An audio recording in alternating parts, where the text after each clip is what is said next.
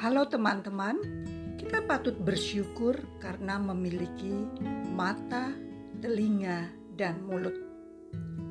Kita lahir dengan dua mata di depan wajah kita karena kita tidak boleh melihat ke belakang, tetapi pandanglah semua itu ke depan. Pandanglah masa depan kita.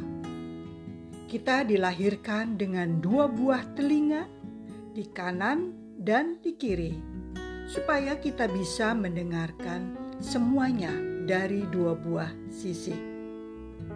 Kita bisa mengumpulkan pujian dan kritik, serta menyeleksi mana yang benar, mana yang salah, karena apa yang kita dengar belum tentu suatu kebenaran. Kita lahir dengan dua mata, dua telinga, tetapi kita cuma diberi satu buah mulut. Artinya, kita harus lebih mendengar, melihat dua kali lebih banyak daripada berbicara. Berhati-hatilah dengan apa yang kita ucapkan, karena ucapan yang menyakitkan sangat sulit sekali ditarik kembali.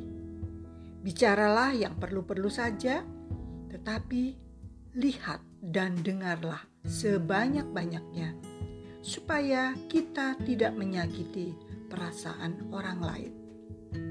Perhatikan selalu kapan kita menjadi pendengar yang baik, kapan kita menjadi penonton yang baik, kapan kita menjadi pembicara yang memotivasi orang di sekitar kita.